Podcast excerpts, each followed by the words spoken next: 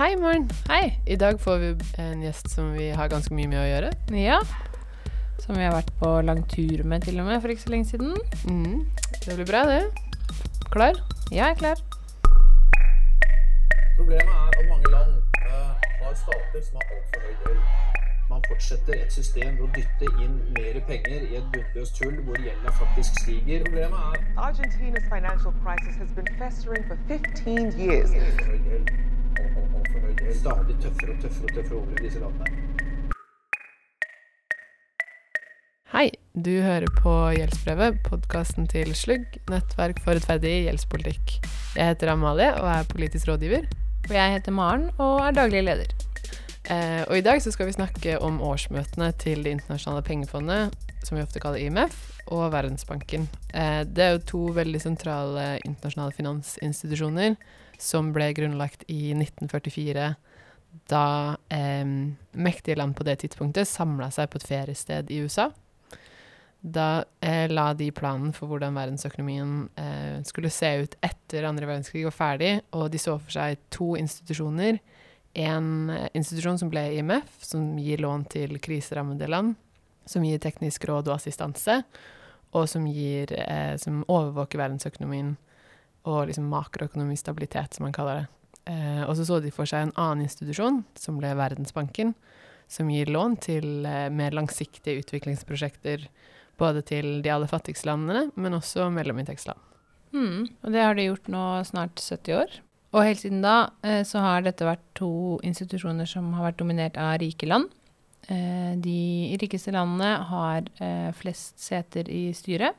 Noen land har sin egen styreplass, som f.eks. USA.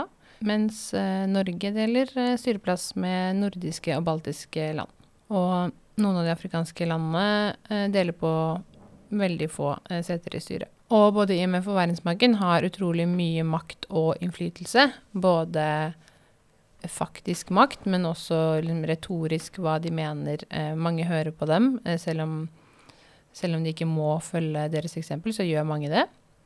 Og derfor så er de viktig å, for oss å påvirke.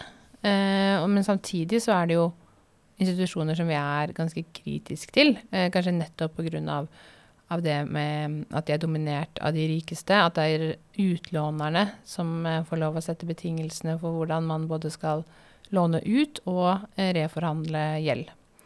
Så vi jobber jo mye med å endre de maktstrukturene. Ja, og vi reiste jo til årsmøtene i midten av oktober, eh, bl.a. med Kjetil Abilsnes fra Kirkens Nødhjelp. Hallo. Hallo. Velkommen. Tusen takk. En eh, ære å få lov til å komme til podkast hos eh, selveste Slugg. Så hyggelig. Ære å ha deg her. Eh, vi deltar jo som sivilsamfunn på både vårmøtene og årsmøtene, som skjer hvert år. Eh, men det er jo veldig mange flere som deltar. Ja, det kan jo noen ganger være litt vanskelig å forstå hva som skjer på sånne møter. Eh, først og fremst så representerer jo Verdensbanken og pengefondet, da, IMF, Det internasjonale pengefondet, enormt store fagmiljøer. Eh, kanskje 10 000 i, i Verdensbanken og så videre. Eh, så så det, er jo et, er jo et sted som der meningsdannelsen på hva som er viktig i internasjonal økonomi, da, og særlig for utviklingsland og sånn, og på, på gjeld og, og skatt og en del andre ting, der, den, der de diskusjonene foregår, da, og blir på en måte ja, Der det fester seg en oppfatning av hva som er viktig nå. Føler vi får litt sånn innblikk av hvordan de tenker om de ulike temaene når vi er der, da. Ja, det er jo, det er jo på en måte nerde, nerdenes hovedkvarter, da, for uh, hvis en driver med, med gjeld og, og sånn særlig. Så det er jo de som, som, noen av de som kan mest om dette i verden, som, som, som møtes da, og som du kan engasjere i, i, på seminarer og sånn som det der. Og så er det jo en del av disse møtene som vi har nokså lite med å gjøre, da, men, men eh, som, som, som foregår bak, bak lukka dører, og som er for medlemsland og sånn. Um, Mm. Men eh, der klarer vi jo, der må vi jo spille direkte inn til Norge i forkant, og til nordisk-baltisk eh, stol og sånn, Mm. som det heter. Det kalles stol, da. Egentlig styrerepresentant, men de kaller det stol. For der er jo IMF og Verdensbanken Det funker jo veldig ulikt fra en del andre internasjonale organisasjoner. At det er et styre som sitter på mye av den politiske makta. Der alle medlemsland er representert. Noen har en egen stol, og andre deler med veldig mange land. Ja. Mm. Og det Det har jo endra seg litt opp gjennom årene, men i utgangspunktet så er det hvor mye penger du har spytta inn som gir deg eh, stemmemakt, eller hvor mye stemmer du har. ja, og hvor viktig din økonomi var som land etter andre verdenskrig. Mm. Eh, og ikke nødvendigvis eh, gjenspeiler dagens eh, situasjon, da. Det var jo en av de tingene som, som en diskusjon som begynner der nå, om, om eh, en ny fordeling av kvoter i, i pengefondet. Så Mm. det er jo noe som vi må jobbe med framover, Mm. antagelig. Og det er noe vi har jobba med lenge også, egentlig. Fordi en av våre liksom, fremste hva skal si, motargumenter mot IMF Verdensbanken er jo at det ikke er demokratisk styrt. Det er ikke et representativt fora som f.eks. FNs generalforsamling er, da. Så Nei, er en land, ett land har ikke en stemme der. Nei. Det er pengene som, som teller. Så spesielt når vi snakker om gjeldskriser, så er det ikke til å komme unna at det er utlånerne, de rike landene, som da sitter med makta til å bestemme hvordan systemet skal fungere. Som vi ikke syns er helt rettferdig, da. Litt tilbake til det at det er liksom enorme fagmiljøer, så de setter jo veldig tonen for hva som anses som god økonomisk politikk. Og da er det jo de rikeste landene som på en måte også er med å bestemme det, sette det. Og det er ofte ikke de som må innføre politikken som IMF og Verdensbanken fører, da. De har iallfall et større valg. Ja. Eh, Det er mye vanskeligere for et eh, utviklingsland å se bort fra IMFs råd i en artikkel 4-konsultasjon enn det er for eh, et rikt land å gjøre det. Og så har jo disse institusjonene også en utrolig viktig rolle i å formidle utviklingsfinans eller for, til, til mange land, da. Mm. Enten på, på liksom konsesjonelle vilkår, eller hva, hva det heter for noe. Gode eh, vilkår. På gode vilkår, liksom. På, eller, eller til markedsvilkår. Og, og sånn sett så, så fungerer det jo Det fungerer jo eh, bra for utviklingsland at de får tilgang på kapital gjennom Ida f.eks. og Ida-lån og sånn. Mm. Um, så det er jo Ida er da utviklingsfondet, ja, utviklingsfondet til, Ja. til Verdensbanken. Mm. Som da gjerne har på Det er typiske ting som kan skje under et årsmøte, er at man annonserer påfylling av Ida-fondet. Ja. Um, Og da fungerer jo det sånn at det eh, rike land eh, spytter inn penger i, i Ida-fondet, og så lånes det ut til veldig gode vilkår til utviklingsland seinere. mm. Men da er jo det også en av de typer lån som utviklingsland på et eller annet tidspunkt kan få problemer med å betale.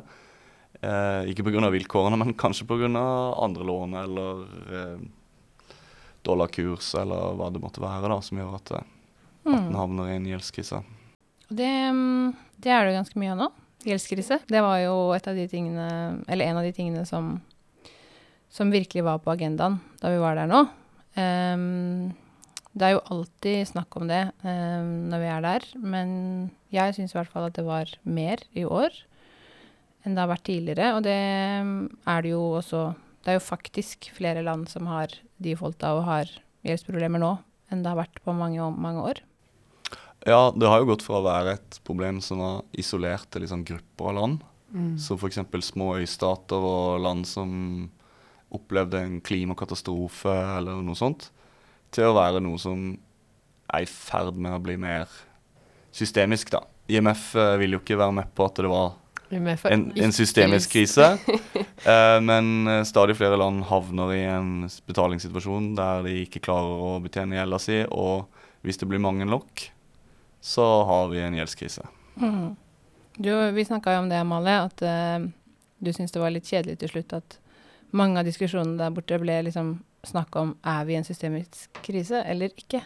Ja, jeg ble litt trett av den diskusjonen til slutt, særlig fordi det føltes ut som det ble en sånn distraksjon fra, fra løsningene som trengs.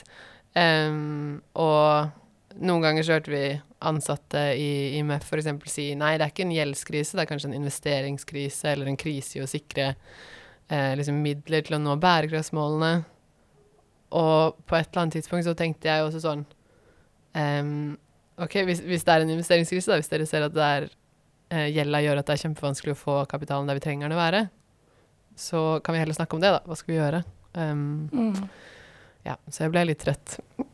Um, Jeg er veldig enig i det, for det, det er jo ikke Det blir jo ikke noe lettere å løse eh, Å komme opp med gode løsninger på en krise som blir akutt.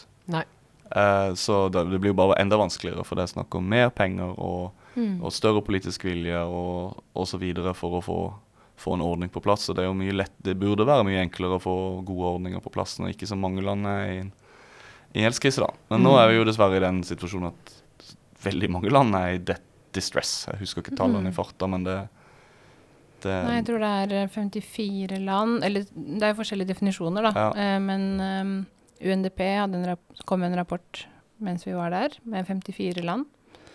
IMF og Verdensbanken vil kanskje si noe færre, men um, Men ifølge um, ja, Det her er noen uker siden, eller noen måneder siden. Men ifølge IMF så var det sånn at 60% av alle lavinntektsland har kritisk høy gjeld. Um, og 30% av alle mellominntektsland. Så sjansen for at folk misligholder, som er det norske ordet for default, er jo ganske stor. mm, Og mange har det allerede, som f.eks. Zambia, Tsjad, Sri Lanka, Suriname. mm. Um, Og det er jo, som vi snakka om, at um, istedenfor å snakke om løsningene, da, så blir vi liksom ofte sittende og ikke krangle, men diskutere om hva slags problem vi sto oppi, eller står oppi nå. Det Det har jo Altså, når det kommer til løsninger, så har det faktisk kommet en ny løsning eh, på bordet det, under pandemien, som heter Common Framework, eh, som skal hjelpe land å eh, å å gjelda si. Ehm, og det ble jo også mye diskusjon om det eh, rammeverket, bl.a. under en rapportlansering som vi hadde eh, dere i Kirkens Nødhjelp og vi slug sammen med flere internasjonale partnere. Og da var det en rapport som dere lanserte, Kjetil. Ja, vi har fått uh, Kirkens Nødhjelp har fått en av de liksom virkelige nestorene på, innenfor gjeld og, og sånn til å skrive en rapport uh, som kom ut i forbindelse med møtene. Og uh, ja, Han heter Matthew Martin og, og var med på runden rundt Hippic og Jubilee og sånn. Eh, og i rapporten så, så, så, så går han gjennom både altså Hvis alle gjeldsnære bør lese det her, da, for det, det her, her går han tilbake til 30-tallet omtrent og ser på alle, alle de ulike gjeldsforhandlingene og sånn som har vært, og måten det har blitt gjort på fra uh, Og utvikle noen prinsipper da, for, for hva en god eh, debt workout eller gjeldshåndtering bør være. da. Um, og, um, og det er jo en Vi forsøker da å utfordre norske myndigheter og andre til å si at til, til å ta større ledelse på, på gjeldsområdet igjen, da. Og det er delvis også fordi at selv om vi i Norge ikke lenger er en stor kreditor, så, og vi, og vi sletta skipseksportgjelda, så, eh, så har vi jo en interesse, for vi er jo en stor donor. Og stadig mer av bistandspengene og andre ting vi forsøker å gjøre, skatt for utvikling eller hva det måtte være, kommer til å bli spist opp av gjeldsbetjening i stadig flere land. Og derfor så er, har vi en interesse i å jobbe for at det finnes et sånt et, et common framework som virker, da.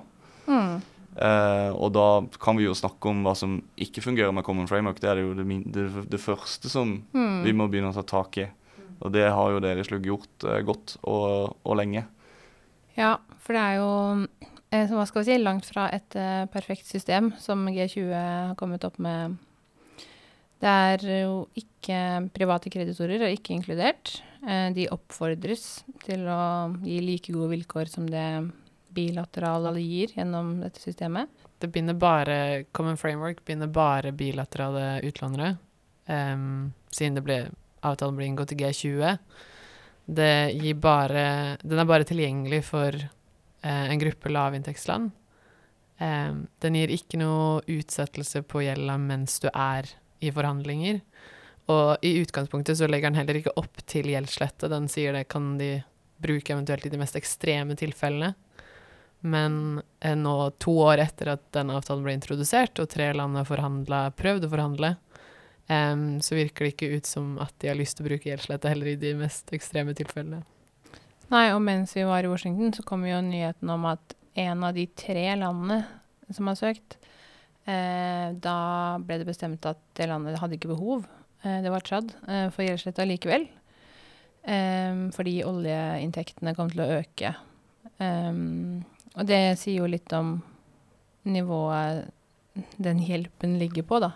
Og Chad sin største kreditor er jo Glencore. Så Ja. det i seg sjøl er jo også interessant. En privat kreditor eh, som jo uansett sikkert ikke Jeg vet ikke hvordan de ville vært omfatta av Common Framework i denne sammenhengen, men Nei, det er jo det som er noe av problemet, at de private trenger jo ikke å, å være med. Så vi ser jo både i Zambia, som er et av de andre landene eh, som har søkt, eh, og i Tsjad at eh, de private er ikke samarbeidsvillige.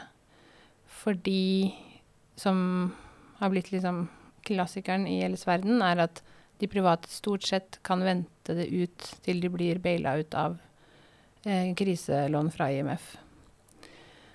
Og det holder jo rett og slett ikke. Sånn har vi holdt på lenge, og nå blir de private større og større.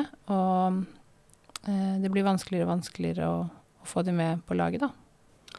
Ja, da er vi over på hva er det, vi må, hva er det vi må ha en sånn løsning. Hvis jeg tar noen anbefalinger fra eh, vår rapport, så er det jo ting, Det er jo ikke noe nytt i det, da, men det må være åpen for eh, alle land som vi snakker om, ikke bare lavinntektsland. Eh, det må sørge for å ta hensyn til eh, hvilke behov land har eh, for å bruke penger på for å nå SDG-ene, oppfylle menneskerettighetene osv. Ikke, ikke legge lista for lavt der. Eh, det må gå fort. Kan ikke bare kan ikke vente i lange tider. Det må inkludere alle kreditorer. Eh, det må sikre at, eh, at eh, i noen kreditorer at, at det ikke du får sånne holdouts. Eh, Kreditorer som bare lar være å bli med og, og satser på å få mer, mer penger seinere. Og så må det være stor åpenhet eh, og sånn om, om hvilke gjeld som, og lån som er en del av, av det. Eh, og så må en sikre at, eh, at framtidig långivning blir ansvarlig osv. Eh, og, eh, og utvikle denne arkitekturen som vi snakker om. da. Det var mye snakk om debt restructuring architecture. Så det er det vi, vi kaller det gjeldshåndteringsmekanisme. De kaller det debt restructuring architecture. Gjeldspolitikken og, og årsmøtene for så vidt er jo bare notorisk fylt av masse litt sånn halvmystiske ord, eller det, kan, det kan jeg kjenne på innimellom, som er litt nyere i game enn dere to. Det er jo en forkortelsesbonanza. Ja. Mm. Det er det. Det må vi være ærlige på. Ja, det er veldig mye forkortelser.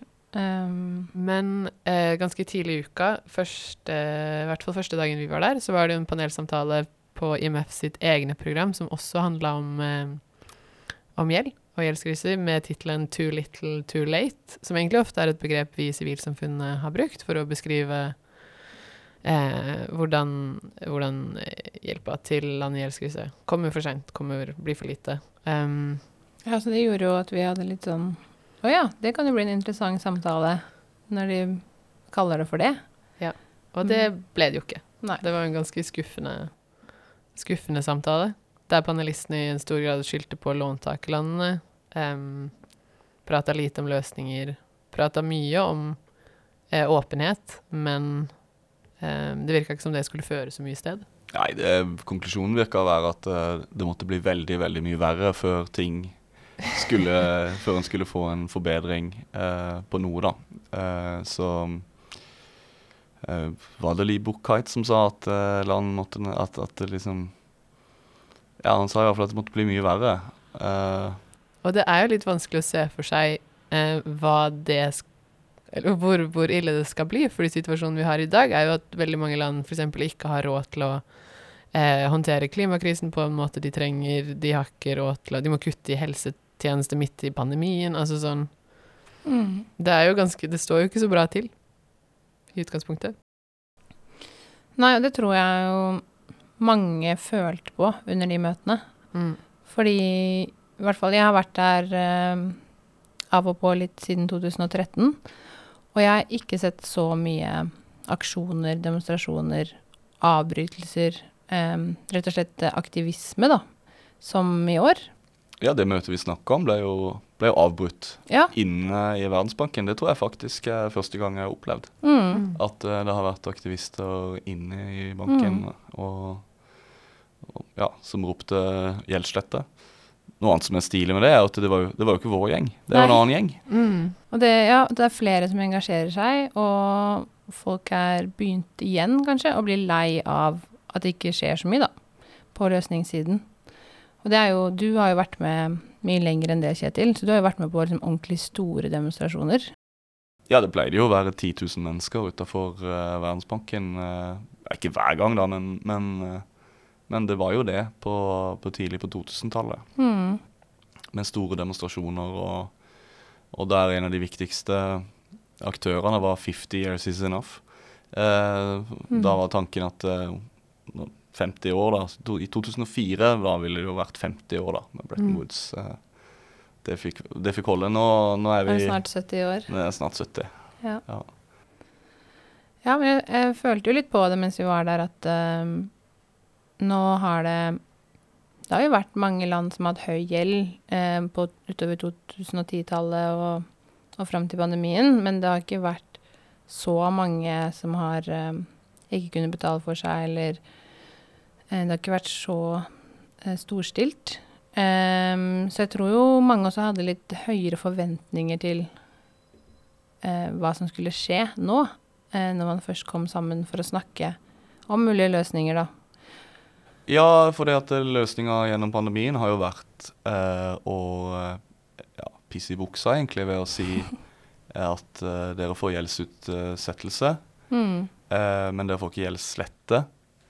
Eh, og når det da, da, da, da bygges jo bare lånene videre opp, så de landene som hadde problemer før pandemien, de har iallfall problemer nå. Mm. Eh, så, så det trengs jo en mekanisme for å håndtere uh, gjeldskriser, altså enkeltkriser for land. Og det, og det er jo Det virker det som alle er enige om. Mm. Eh, men det er ingen klarer å komme fram til hva den mekanism, hvordan mekanismen skal være, og, og hva en kan gjøre. da. Og Det var jo også noe den rapporten til rapporten vår eh, viser at eh, For er, den er basert på ganske mange intervjuer. Og, og der alle mener at, at det er mer som må gjøres, da. Så det finnes et rom da, for Mm. politisk endring. Hvor stort det rommet er, er litt vanskelig å si. eh, Og særlig nå etter at eh, Ja, med, med den situasjonen som er med Russland og sånn. Mm. Det er vanskelig å få eh, enighet om ting. Mm. Mm. For det var jo en ting som prega, um, prega årsmøtene i stor grad. At alle snakka om altså, sånn krise på krise på krise, og at det er en sånn Polycrisis. The polycrisis is here. Um, som, som gjør det også vanskelig å ta tak i ting. Ja, og det er nok sånn da at eh, det var veldig vanskelig i Altså For det første så var gj- gjeldskrisa som land opplevde på 80- og 90-tallet, var jo eh, Det er kanskje feil å si verre, men den var i hvert fall mer omfattende. Og, og for mange land så var det jo liksom flere ganger BNP de hadde i, i gjeldsbyrde, og en, en sånt gjeldsoverhang, som det heter, da, som gikk liksom langt Mm. over hodet. Det var liksom helt eh, tydelig at disse landene måtte ha gjeldslette for å komme noen vei. Og det var jo også veldig effektivt da, med HIPIC, uh, Heavily Indebted Poor Countries Initiative og sånn. Det var jo en suveren eh, eh, eh, Suverent for landet å få gjeldslette, og, og eh, det ga liksom nokså raske resultater i form av helse, utdanning og, og andre ting.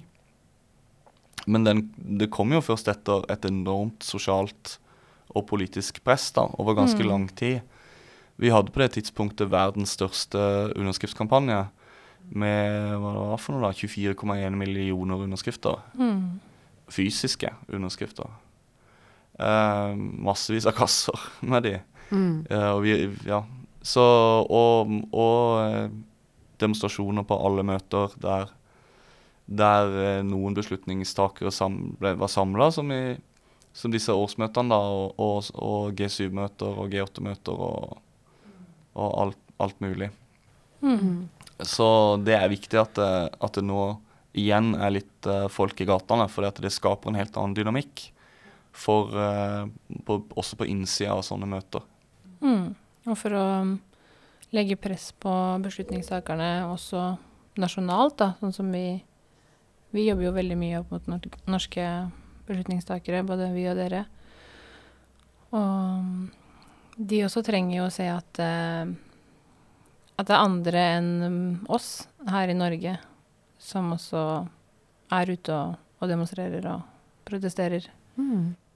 Ja, fordi selv om eh, både Verdensbanken og IMF veldig fort kan virke veldig sånn teknisk, eh, s- s- så former de jo i kjempestor grad liksom den virkeligheten vi lever i, gjennom å si sånn dette er god økonomisk politikk, og dette er dårlig. Dette bør dere gjøre, dette bør dere ikke gjøre. Så det skulle Mm. bare vært på sin plass at det var masse, masse folk i gatene. Ehm, Mm. Og så er det viktig, som du sier, Maren, at uh, um, det er jo nasjonale regjeringer som i all hovedsak bestemmer, da. Selv om Mm. vel noen av disse fagmiljøene er, på sånne steder som dette er utrolig viktige for å danne en virkelighetsoppfatning av hva er det som er riktig løsning for det på ulike felt, så er det jo eh, Ja, vi må liksom dytte på norske myndigheter, eh, vi som er i Norge. Mm. Eh, og, og vi må forvente at de virkelig jobber med å skaffe løsninger og promotere løsninger på, på, gjeld, på den ny, voksende gjeldskrisa. Mm. Um, For det som har vært litt interessant uh, noen ganger uh, under pandemien og, og nå, at så har vi sett at det har vært mer progressive stemmer blant de ansatte i fondet og banken. Men når det, det når ikke helt opp til styret, virker det som, da. Så f.eks. med Common Framework så har det vært mye, eh, mye snakk om eh, det som ikke fungerer eh, med det rammeverket, men det har ikke styret i IMF har ikke klart å, å, komme til noe enighet og påvirke G20 seg imellom. Nei. Det var blant annet et blogginnlegg ehm, IMF-blogger. eh, og i et blogginnlegg rett før Common Framework ble på en måte uh, spikra og offentliggjort, så, ehm, så hadde ehm, ah, hun som leder eh, de ansatte i IMF, eh, skrev et blogginnlegg der hun sa at hun mente at man måtte reformere hele den internasjonale gjeldsarkitekturen. Og det er ikke noe vi pleier å høre så mye, eller forventer å høre derfra, da. Nei. Det høres ut som noe vi kunne sagt. men Ja. eh, de er jo i en interessant situasjon der eh, Altså, det er vanskelig å komme til enighet. Så på grunn av at det er flere aktører. Det er private aktører, det er Kina, det er og det, det er helt annerledes. Eh, i, på 90-tallet, 2000-tallet, så kunne eh, rike land, og dermed de institusjonene som de kontrollerer, eh, diktere hva slags eh, regel, hva, hva som skulle gjelde. da. Mm. Og nå er en avhengig av å skaffe enighet mellom mange parter. Mm. Det er et annet uh, landskap, Absolutt. rett og slett. Mm. Ja, så står særlig kanskje også private, private banker og investeringsfond har jo en annen stilling, eller sånn, de står jo ekstremt støtt. Så eksempel når den gjeldskrisa på 80-tallet starta i Mexico, eh, og USA var egentlig ganske raske på ballen for å gjøre noe, så var det en reell frykt at mange banker, f.eks. i New York, skulle falle fordi de hadde lånt ut masse til Mexico, og så misligholdt Mexico. Men eh, Man ser ikke den frykten hos bankene nå. Nei, man ser ikke britiske politikere stresse masse rundt for om BlackRock kommer til å liksom kollapse eller ikke, fordi Zambia er i betalingstrøbbel. Men det er vel derfor de heller ikke ser denne krisa som systemisk, da. Mm. Mm. Det er uh, møter igjen i MF og Verdensbanken til våren. Mm. Uh, og det blir spennende å se hvor mye aktivitet det er på gata. Spesielt syns jeg det er håpefullt å se hvordan klimabevegelsen og gjeldsbevegelsen samarbeider og prøver å samarbeide i større grad. Mm. Takk for at du kom på besøk, Kjetil. Det er alltid mer å si, men uh, det blir ikke siste gang vi kan snakke om dette. Nei, jeg velger å avslutte med å reklamere for Kjeks ferske fersk rapport. Matthew Martin finner den på eh, nettstedet der du finner sånne rapporter. Eh, Nordic Initiative to Resolve the New Debt Crisis. Mhm. Så Den er lang, men god, vil jeg si. Veldig god. OK. Ha det bra. Ha det bra. Vi snakker gjerne mer om det temaet her, så hvis du som lytter eh, har lyst til å høre mer, så er det bare å kontakte oss, så kan vi f.eks. holde et eh, foredrag eller en skolering, eller komme på besøk for å skravle om dette. Eh, og det gjelder også andre spørsmål, eller om du har lyst til å engasjere deg mer i arbeidet vi gjør. Da kan du ta kontakt med oss på SoMe eller på mail. Den finner du bl.a. på nettsida vår slettgjella.no.